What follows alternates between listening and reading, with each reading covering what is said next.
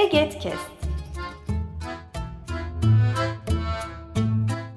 Bu yayın Eğitimde Görme Engelliler Derneği tarafından hazırlanmıştır.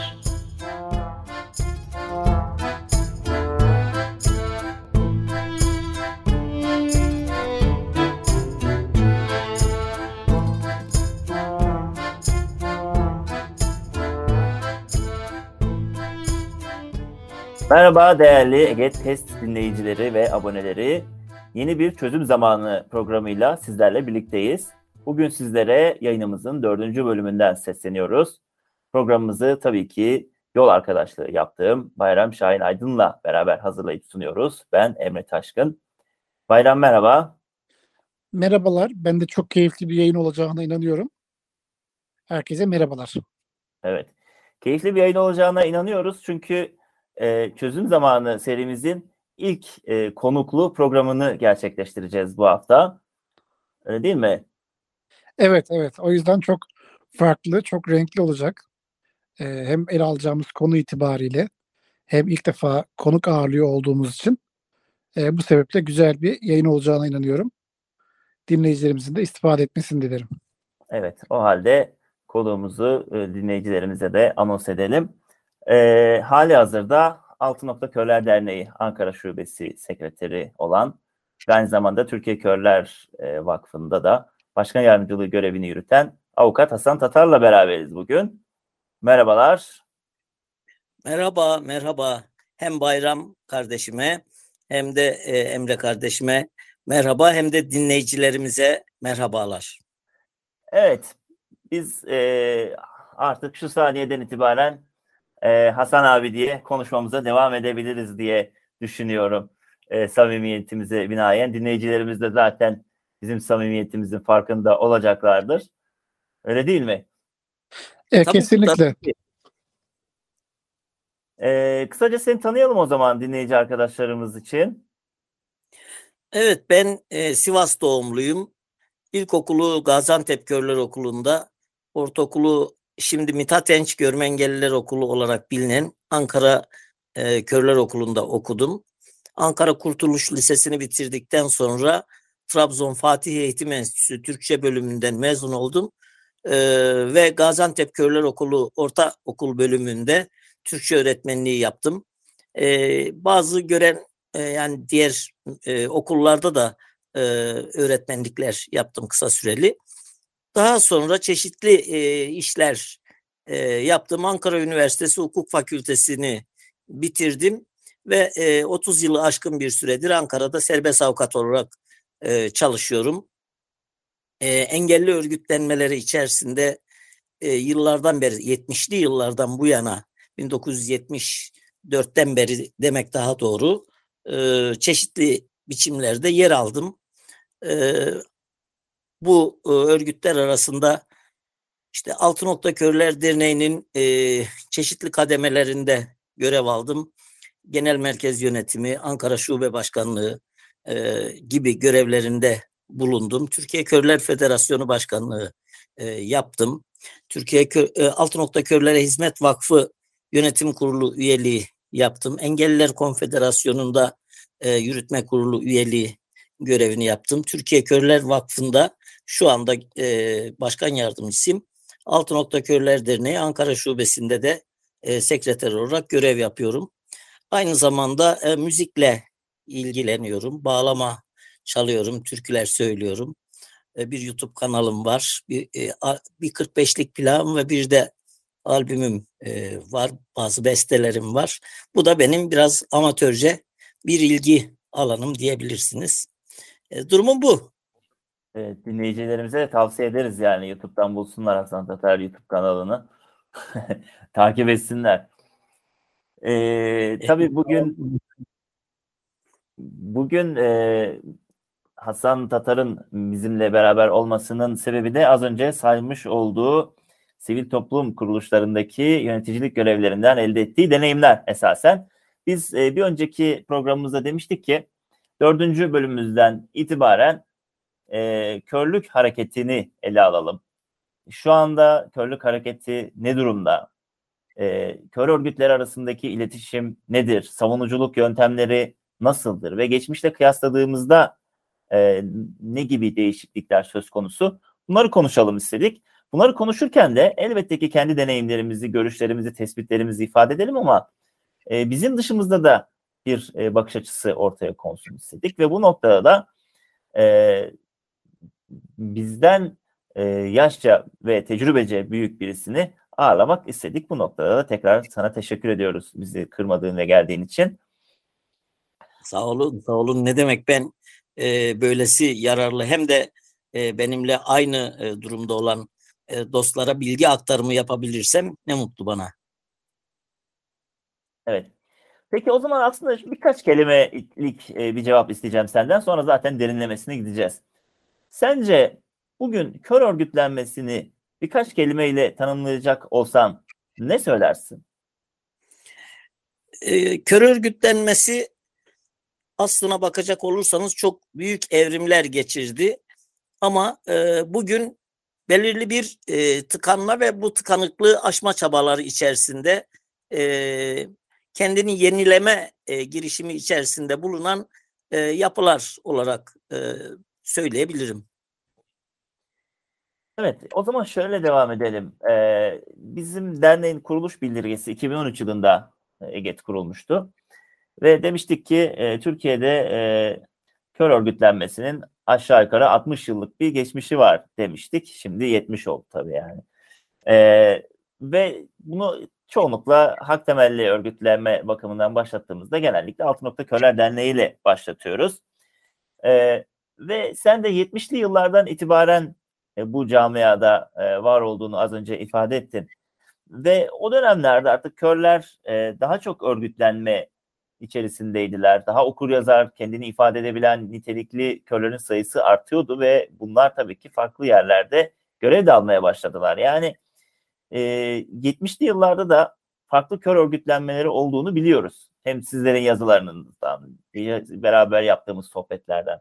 O dönemki kör örgütleri arasındaki diyalog nasıldı? O dönemki kör örgütlenmesi nasıldı? Böyle kısaca anlatsan ne söylersin bize? İsterseniz şimdi biraz daha geriden başlayalım. Ee, Türkiye'de e, körlerin örgütlenme tarihi, körlerin eğitim tarihiyle biraz e, paralel olarak e, gidiyor. Daha önce e, amalar, işte e, sağır ve dilsizler e, o, ve e, gerizekalılar mektebi diye hani birlikte e, okullar vardı. E, orada bütün engelliler bir arada bulunuyordu.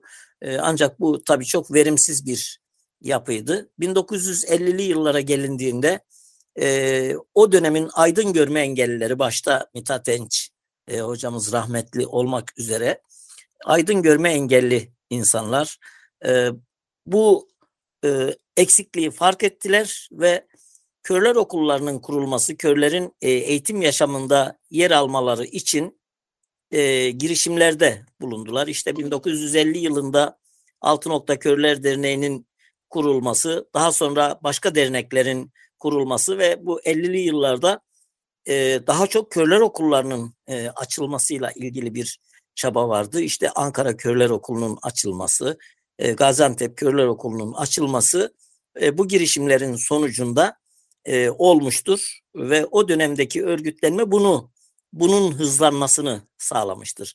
60'lı e, yıllarda korumalı iş yerleri daha çok e, gündeme gelmiştir. Mesela Bahçeli Evler'de e, iki daire içerisinde yer alan e, bir işte altı noktanın o dönemki e, mekanında kese kağıdı yapmak gibi hani körlerin o dönemde kese kağıtları bakkallarda, marketlerde vesaire şey için alınan eşyaların konulması için önemli şeydi. Gazete kağıtlarından kese kağıdı yapılırdı. Bunu yapıp satmışlardır. O dönemde ilk e, körler yürüyüşü e, 1968 yılında gerçekleştirilmiştir. Ben o dönemde ortaokuldaydım. Ben de katıldım o yürüyüşe. E, ve o 68 kuşağının rüzgarı biraz kendisini hissettiriyor diyebilir miyiz kör örgütlenmelerinde? Aynen, aynen. E, işte e, Eşber Yağmur Dereli, rahmetli Mustafa Kemal Dok gibi e, önderlerin e, yöneticiliğinde onların e, şeyiyle gayretiyle daha başka arkadaşlar, büyüklerimiz de vardı.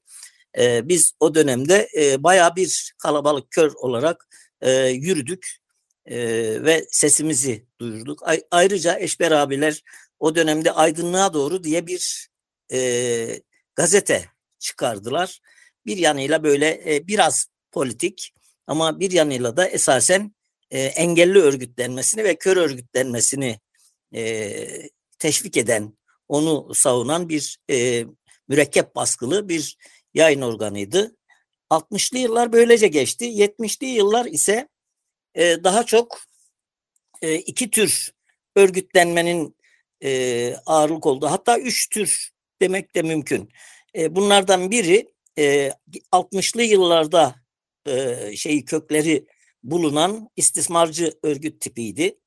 E, bunlar daha çok zarf dağıtıp camilerin önünde işte e, çeşitli yollarla buralara kutular koyarak veya zarflar dağıtarak makbuz satarak gemiler şeyde e, İstanbul'daki e, o şehir, e, şehir içi vapurlarda boğazdan geçen vapurlarda trenlerde makbuz keserek e, körlüğü biraz paraya çeviren istismarcı örgüt tipi e, diyebiliriz.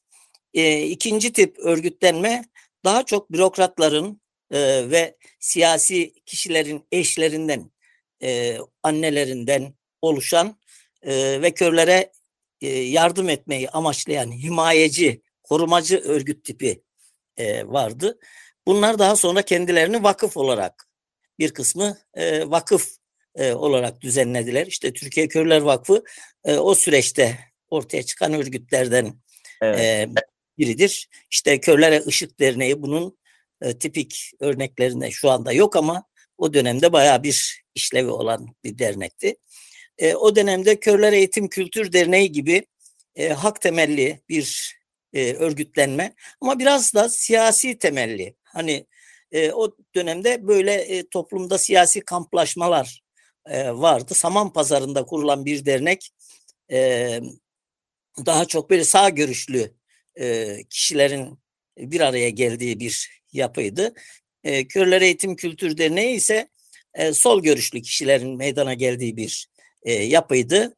E, öyle biraz hani toplumda var olan kutuplaşmaya paralel bir e, yapılanma oldu. O dönemde bazı e, eylemler gündeme geldi. İşte 1974 yılında e, iş arayan görme engellilerin e, açlık grevine oturmaları, e, benzer yürüyüş e, ve açıklamalar vesaire vesaire o dönemde başladı ama çok güçlü bir e, kör örgütlenmesi yoktu. Körlere Işık Derneği çok etkiliydi. O Körlere Işık Derneği böyle e, belli günlerde Kızılay'da yakalara rozetler takarak e, belli günlerde işte belli açıklamalar e, yaparak ve bir, bir takım ihtiyaç sahiplerine de e, yardım ederek, destek olarak, maddi katkıda bulunarak e, yürüyen, yürütülen bir e, örgüttü. Evet. Türkiye Körler Vakfı ve e, o dönemde kurulan bir de e, şu anda İstanbul'da olan Altı Nokta Körler Vakfı var. E, şu anda e, bunlar şey kurdular. E, rehabilitasyon merkezleri kurdular. Altı Nokta Körler Vakfı e, İstanbul'da şu anda Reşit Paşa'da hizmet veren e, rehabilitasyon merkezini kurdu ve e, şimdi Aile Bakanlığı, Aile ve Sosyal Hizmetler Bakanlığı olan e, kuruma o dönemde yani Sosyal Hizmetler ve Çocuk Esirgeme Kurumu'na e, devretmişti. Ama onlar gene onun yönetiminde o gün bugündür e, yer alıyorlar. Söz ve karar sahibi e, olan durumdalar. Evet. Ankara'da Evet buyurun. Şey soralım. E, bu arada Saman Pazarı deyince bu Ankara'da bir semt yani aslına bakarsanız. E, bilmeyenler için söyleyelim yani. Saman Pazarı ne oluyor, ne bitiyor falan diye. Ulus e, civarında bir bölgede e, bir yer yani ve orada kurulmuş bir dernek olduğunu söyledi Hasan abi az önce. Evet, Sosyal Yardımlaşma Derneği'ydi yanılmıyorsam. Evet. Yani ee, şöyle, şimdi mesela e, tabii ki yani o dönemin e, 70'li yıllarında artık farklı e, etkileri de olsa, günün e, rüzgarını da arkasına alarak da olsa, bir siyasi e, yanı da olsa bir kör örgütlenmesinden bahsedebiliyoruz olabildiği ölçülerde. Tabii araya e, işte 80 ihtilali giriyor vesaire. O apolitikleştirme süreci de muhakkak ki etkiliyordur da. E, biz bayramla biraz daha e, yaklaşsak diye düşündük değil mi bayram? Yani Yaklaşık e, biliyorum 80'lere. Evet, biraz- bugüne biraz daha yaklaşacak olursak yani Biraz Evet. yaklaşacak olursak ve biraz da hani örgütler arasındaki tamam farklı kutupları te- temsil ediyorlar toplumda ama örgütler arasındaki iletişim nasıldı? Yani bir e, eylem olduğu zaman e, işbirliği imkanları doğuyor muydu? Yoksa her örgüt başına buyruk mu hareket ediyordu? Biraz daha bu çerçeveden ele Ya, alabilirsek. e, o dönemde toplumdaki kutuplaşma biraz böyle hasımane yürüdüğü için e, bu e, kör örgütlenmeleri de toplumdaki kutuplaşmaya paralel olduğu için e, böyle bir e, hatalı birbiriyle olan ilişkileri de zayıftı maalesef e, zayıftı. Ama e, tabii insanlar birbiriyle görüşüyordu. Bu tabii o örgütlerin tümünün e, bugünden bakıldığında e, bir hatası, eksikliği olarak görülebilir, görülmelidir diye e, düşünüyorum. O Peki nedenle de sonrasında nasıl oldu bu iletişim? Biraz evet. sonra şöyle oldu. Sonra 12 Eylül gelince e, insanların böyle doğrudan e, siyasi temelde kamplaşmaları büyük ölçüde kırıldı ve o dönemde çeşitli e, yerlerde görev alan yani bir çeşit körlerin aydın önderleri sağdan olsun soldan olsun aydın önderleri e, daha çok engelli hareketi içerisinde yer almaya e, başladılar. Biz örneğin e, o dönemde işte e, bir anket yaptık körlerin sorunlarıyla e, ilgili. Kabartma bir yayın organı hakkında rapor diye bir şey düzenledik. Daha sonra işte e, rehabilitasyon merkezi dediğim gibi Emirgan'daki rehabilitasyon merkezi çalışıyordu. Onların rehabilite edilmiş görmeyenler derneği diye bir dernekleri vardı. O gibi yerlerde işte körlerin tarihi, engellilerin tarihi gibi konularda seminerler verdik. Turan Hoca, ben, Mustafa Kemal Doğuk, işte Yaşar Gözcü e, gibi, Hatice Önder e, gibi ve başka arkadaşlar da vardı. Giderek bu e, genişledi. Sonra işte e, ilk yayın organı Türkiye Körler Vakfı'nda bir kabartma e, yayın organı çıktı. E, Altı Nokta Körler Derneği de e, görme engellilerin eline geçti. Daha önce gönüllü e, annelerin vesaire e, elindeydi. Daha çok e, böyle e, hani himaye tipli, hani yardım ve e, korumacı örgüt denilecek bir e, örgütlenmenin söylediğin gibi aslında değil mi? Yani daha çok böyle popüler e, insanların, eşlerinin evet e, destekleriyle ilerleyen ve yardım odaklı e, ilerleyen bir dernekti uzun süre altın nokta. Evet evet. Yani Antep'te bir şubesi vardı. Bir de İstanbul'da e, şubesi vardı. Ankara'da da işte genel merkez vardı ama çok bir şey yoktu. Aktivitesi yoktu. E, 1984'ten sonra e, oraya insanlar kitlesel halde e, üye olmaya başladılar ve işte ilk e, körlerin e, yönetime geldiği 1984-85 yılında Mustafa Kemal Dokun başkanlığında bir e, yapı oluştu. Ondan sonra hızla e, körler üye oldular e, ve tüzük değişikliği yaparak e, görme engellilerin ancak üye olabileceği bir dernek haline geldi. Evet Ee, hatta o bugün e, bazı örgütlerde tartışılan bir karara bile dönüştü artık bugün yani. Aslında değişim böyle de başlamış. O gün bir ihtiyaç olarak e, doğmuş böyle bir e, karar tüzüğe. Ama bugün Evet. başka başka tabii kör örgütlerinden bahsediyorum. Altı noktadan bahsetmiyorum. Yani işte dernek kurarken veya tüzük değişikliği yaparken üyelerimizin tamamı mı kör olsun, işte belli bir bölümü mü kör olsun, yönetimde ne kadarı kör olsun, olmasın mı falan artık bunlar Evet, e, evet. konuşulmaya başladı. Ters yönde ama konuşulmaya başladı bu sefer.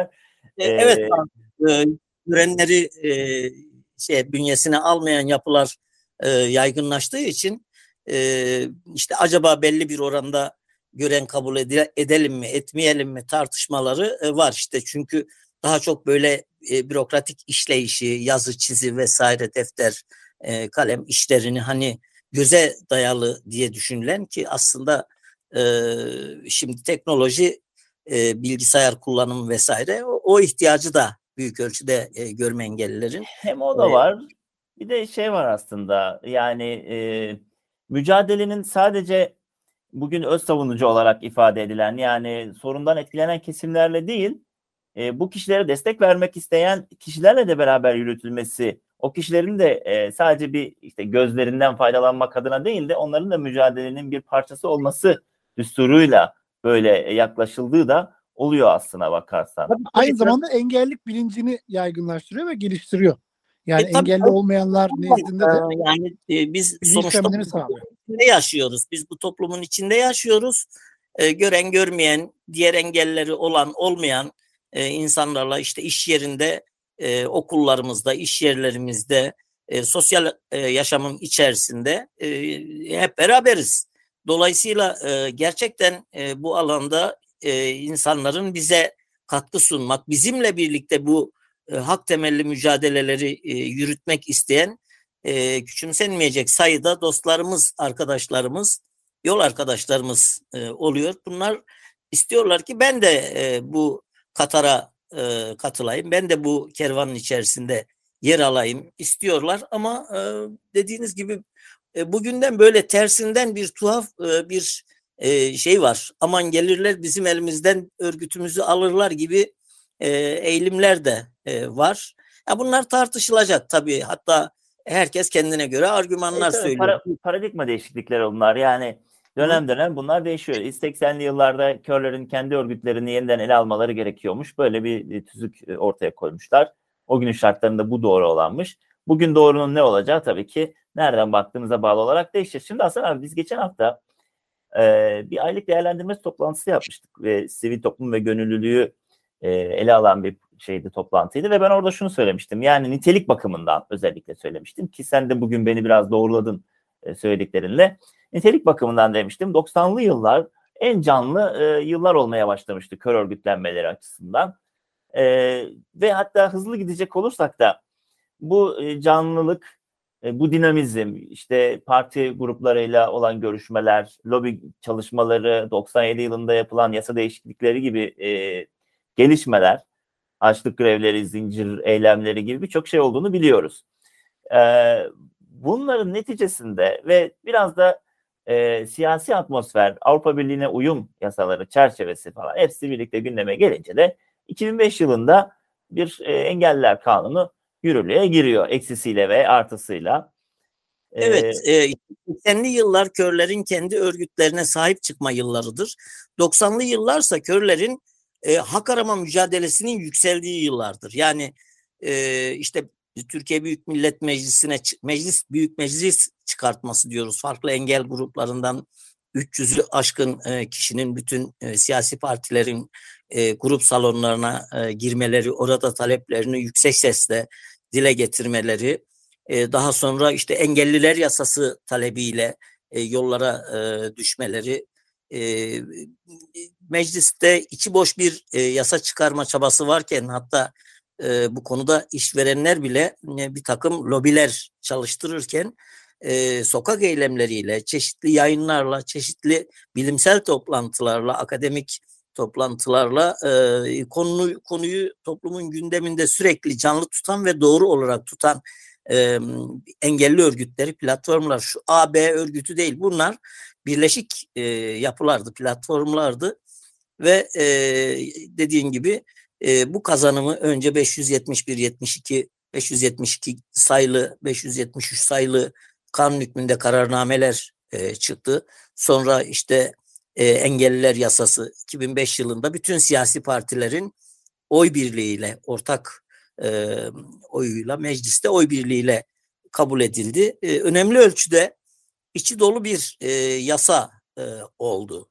Yani tümüyle belki tüm taleplerin e, e, içerilmesi söz konusu olmasa bile büyük ölçüde en az yüzde yetmiş oranda taleplerimizin kabul edildiği, yer aldığı bir yasal düzenleme oldu. Sonra tabii yönetmelikler, e, o yönetmeliklerde bazı hakların e, yeterince e, kullanılamaz hale geldiği vesaire e, o uygulamalar var ama 2000'li yıllar e, bu kazanım yıllarıydı. İşte 90'lı yıllarda artık engelliler fark etti. Daha önce benim işçim, benim memurum, e, benim köylüm diyen siyasiler benim engellim demeye de başladılar. E, engelliler farklı taleplerle de hani artık siyasi partilerde de yer alalım, milletvekili olalım falan dediler. İşte e, daha sonra işte Lokman Ayvan'ın milletvekili Evet. oluşu önemli bir e, kazanımdır. E, peki Ee, ben burada çok önemli e, gördüğüm için bir araya girmek istiyorum müsaadenle Hasan abi. Tabii. Peki bu 90'lı yıllardan itibaren körlerin hak arama mücadelesi yükseldi dedin. 80'li yıllarda körler örgütlerine sahip çıkmaya başladı. 90'lı yıllardan itibaren hak arama mücadelesi yükseldi. Peki Evet. bu 90'lar ve 2000'li yılların başı itibariyle e, bu engelli örgütleri ve özellikle de kör örgütleri arasındaki yine ben iletişim konusunu önemsiyorum. E, Evet. İletişim nasıldı? Yani o zaman iletişim biraz daha e, iyi hale gelmiş miydi? O far- farklı kesimleri e, temsil eden engelli örgütleri biraz daha birbirlerine yaklaşmışlar mıydı? Ortak mücadele alanları oluşturabilmişler miydi? Tabii tabii e, oluşturdular. Bir kere artık e, siyasi temelde örgütlenmeler e, büyük ölçüde ortadan kalktı. Hani e, her e, örgüt aşağı yukarı içerisinde her unsuru taşıyan e, körlük e, ortaklığında, körlük ortak e, yanı e, çerçevesinde bir arada bulunmaya başladılar. Onun içerisinde kadını, erkeği, işte şu memleketlisi, bu e, memleketlisi, şu inançtan, bu işte siyasi e, görüşten farklı insanlar yer aldılar ama e, bunu e, bir ayrışma nedeni olarak e, yapmadılar. Farklı örgütler oldu tabii e, ama önce mesela Demokratik e, e, Kör Örgütleri Birliği DKDB, DEK'te bir dendi önce, DKDB dendi. Böyle bir e, birlik oluştu. İşte Türkiye Görme Engelliler Derneği, Çağdaş Görmeyenler Derneği, Altı Nokta Körler Derneği gibi. E, sonra bu genişledi. Sonra e, Türkiye Körler e, Federasyonu e, hak arama temelli örgütlerin e, bir buluşma örgütü, üst örgütü olarak e, ortaya çıktı. E, önceleri Türkiye Sakatlar Konfederasyonu bünyesinde yer alındı. Orada işte rahmetli e, başkanın e, bir takım e, bireyci tavırlarının e, ve e, o işleyişte e, demokratik e, ilkelerin çok fazla uyulmaması nedeniyle orada bir ayrışma yaşandı. Engelliler Konfederasyonu e, kuruldu. E, 2007 yılında e, kurulmuş oldu. O dönemde ben Türkiye Körler e, Federasyonu Başkanıydım. Tabii bu arada Türkiye'nin e, körlerinin çok büyük bazı kazanımları vardır. Burada bunu e, anmadan geçmek istemem. E, biliyorsunuz 2007 yılında e, Birleşmiş Milletlerce Engelli Hakları e, Sözleşmesi kabul edildi. Ama e, bu Engelli Hakları Sözleşmesi'nin e, kökünde e, Türkiye'li körler vardır.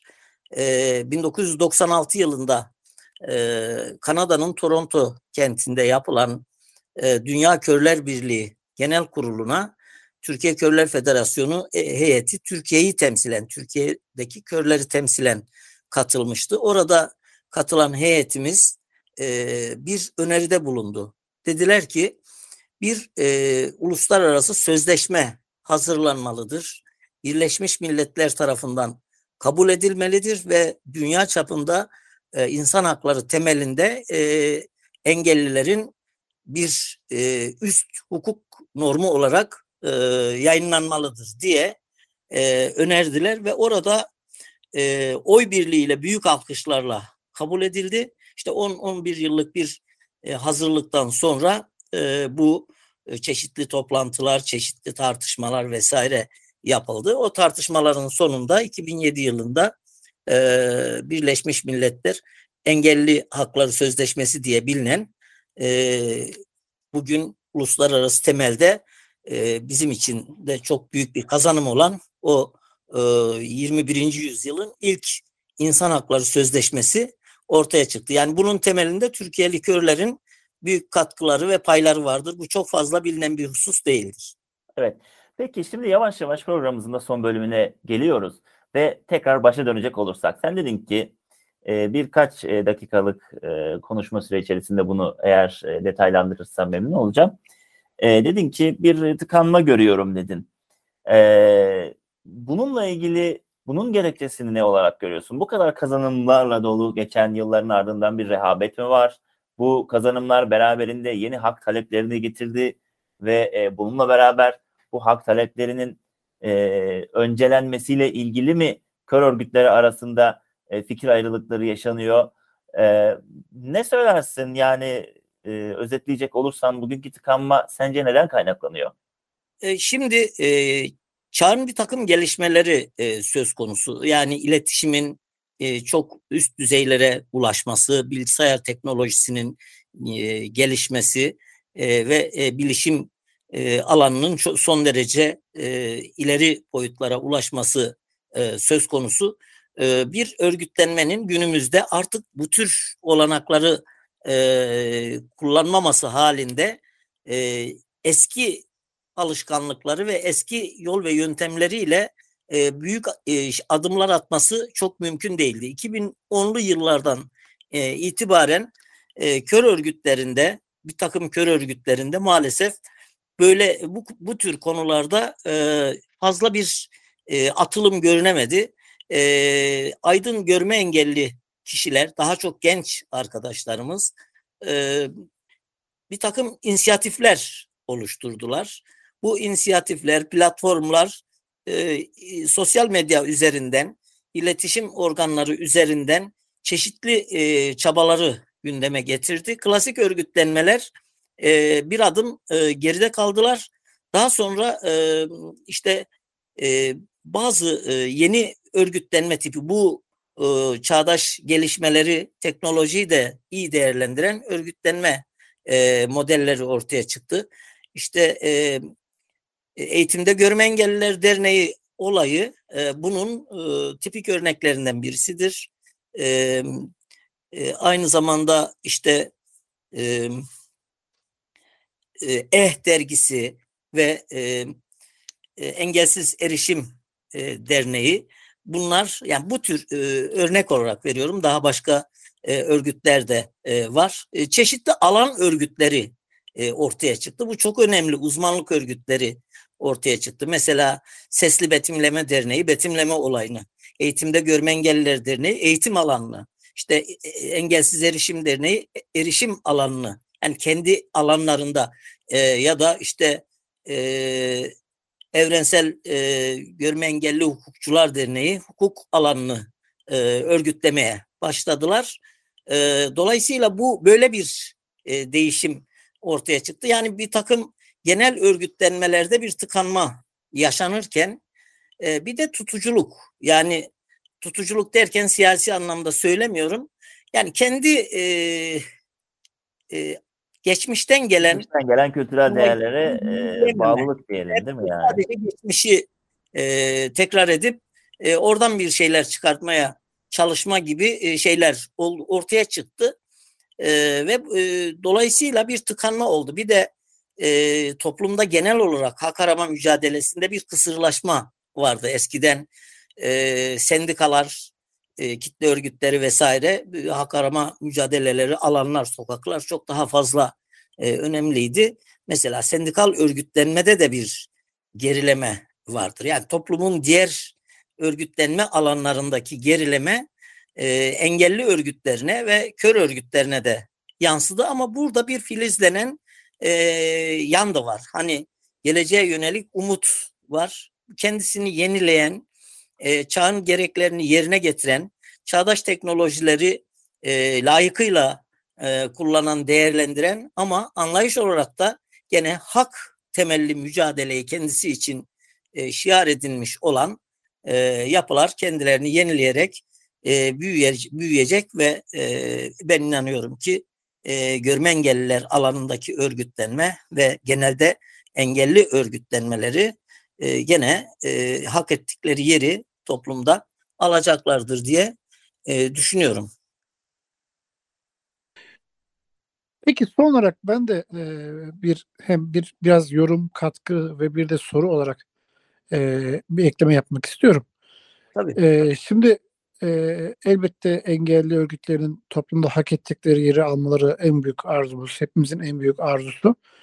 E, ancak bu anlamda e, bahsettiğim tıkanma sürecinin ve özellikle örgütler arasındaki iletişimde meydana gelen örgütler arasındaki işbirliği imkanlarında e, meydana gelen e, duraklamanın da e, payı yok mu? Yani bu sorunların yaşanmasında ve bu konuda da bir gelişim kaydedilmesi gerekir mi? E, tabii e, ben katılıyorum. E, o duraklamanın payı var. E, o duraklamayı gidermek için e, ikili bir çabaya gerek var. Bir e, yeni oluşan, e, yeni teknolojileri kullanan e, örgütler diğer örgütlerin e, tarihsel geçmişini yok saymamalı. Onların e, o birikimlerinden e, yararlanmalı ve e, evet tamam iletişim vesaire bunlar çok önemli ama sonuçta insana dayalıdır. Onun için kitleselleşmeyi ihmal etmeyen bir tarz tutturmalıdırlar. Ee, geleneksel örgütlenme dediğimiz örgütler de çağdaş e, gelişmelere açık olmalı, e, onları e, kullanmalı ve e, ortak yapılar oluşturmalıdırlar. Yani federasyon, konfederasyon ya da platform daha değişik e, adı ne olursa olsun o tür ortak yürüyüş e, platformları, ortak yürüyüş forumları oluşturmalıdırlar diye e, düşünüyorum. Bu mümkün pekala evet. mümkün. Zaten alanlar, zaten hayat bizi e, oralara doğru da e, zorlamaktadır. Esasen yani şöyle de diyebiliriz. E, bu bizim bugünkü yayınımız da aslında senin bu söylediğin şeye hizmet ediyor. Yani biz burada e, dinleyici arkadaşlarımız geçmişten bugüne engelli örgütlenmesinde körler olarak e, nerelerden nerelere geldiğimizi senin bakış açınla dinlediler. E, güzel de bir perspektif oldu. Bizler de öğrendik. E, ve oradan buraya gelirken yaşantılarımızı da bir şekilde görmüş olduk. Kazanımlarımızı, eksiklerimizi ve bundan sonra yapabileceklerimize dair e, bazı fikirler edinmişizdir diye diyorum, düşünüyorum ve bu jenerasyon e, iletişimini de sağlayacak bir e, yayın olduğunu düşünüyorum bu e, içeriğin bir kesinlikle katılıyorum. olarak değil mi? Evet Bayram. kesinlikle. Yani arşive biz bunu kaydettik artık. Bundan sonra umarım e, uzun yıllar kalır diyelim ve bu arada şunu da söyleyelim ki e, 2022'nin son yayınını yaptık biz çözüm zamanı olarak. E, Hasan abiyle yılı kapatıyoruz. E, yavaş yavaş son cümlelerimizi söyleyelim. 2023 bence çok sıcak bir yıl olacak. kazanımlar e, elde etmek bakımından da belki e, hareketli olabileceği ihtimalini e, göz önünde bulundurmayı gerekli görüyorum. E, o yüzden bu iletişimi de devam ettirmenin yollarını arayalım hep beraber diyorum. E, benim son söyleyeceklerim bunlar. Bayram sen ne söylemek istersin? Bence de çok e, keyifli ve e, güzel bir yayın oldu. E, buradaki bilgiler eminim ki e, hem bize hem bizden sonraki e, nesillere ışık tutacak nitelikte gerçekten. E, çok belki uzun bir yayın değildi. Saatlerce sürmedi ama e, kısaca da olsa e, geçmişten bugüne çerçeveyi e, Hasan abinin katkılarıyla çok güzel bir şekilde ortaya koymuş olduk. E, yani bence de e, önümüzdeki yıl bu örgütler arası iletişimin e, daha fazla gelişmesine daha çok önem vermek gerekiyor. Çünkü önümüzdeki yıl aynı zamanda fırsatlara gebe bir yıl. 2023. Cumhuriyetimizin 100. yılını, yıl dönümü. E, bu sebeple eğer biz iletişimi ve birlikte çalıştırma e, kültürümüzü ilerileri taşıyabilirsek daha çok kazanım elde edebiliriz. Ne kadar çok bu konuda başarılı olursak o kadar çok engelliye dair kazanım elde edebiliriz.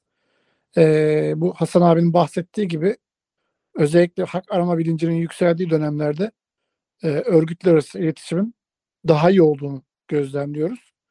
E, benim de son söyleyeceklerim bunlar.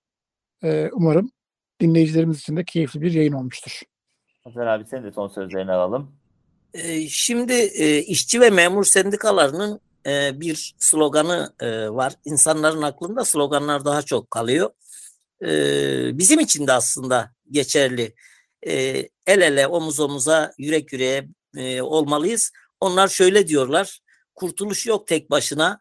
Ya hep beraber ya hiçbirimiz. Öyleyse biz hiçbirimiz seçeneğini bir yana bırakacağız. Hep beraber bu yürüyüşümüzü el ele omuz omuza yürek yüreğe sürdüreceğiz hak temelli olarak. Evet, e, Getcast dinleyicileri Çözüm Zamanı programımızın dördüncüsünü tamamlıyoruz. Halen e, kanalımıza abone olmadıysanız podcast kanalımıza belki bu yayının ardından abone olmayı düşünürsünüz. Hepinize sağlıklı bir gelecek diliyorum. Gelecek yılın bir öncekinden daha başarılı, verimli ve erişilebilir olmasını hepimiz için diliyorum. Hoşçakalın. Hoşçakalın. Hoşçakalın. Bu yayın Eğitimde Görme Engelliler Derneği tarafından hazırlanmıştır. Web sitesi eget.org Mail bilgi.eget.org Facebook Eğitimde Görme Engelliler. Twitter et Eget İletisim. Instagram Eğitimde Görme Engelliler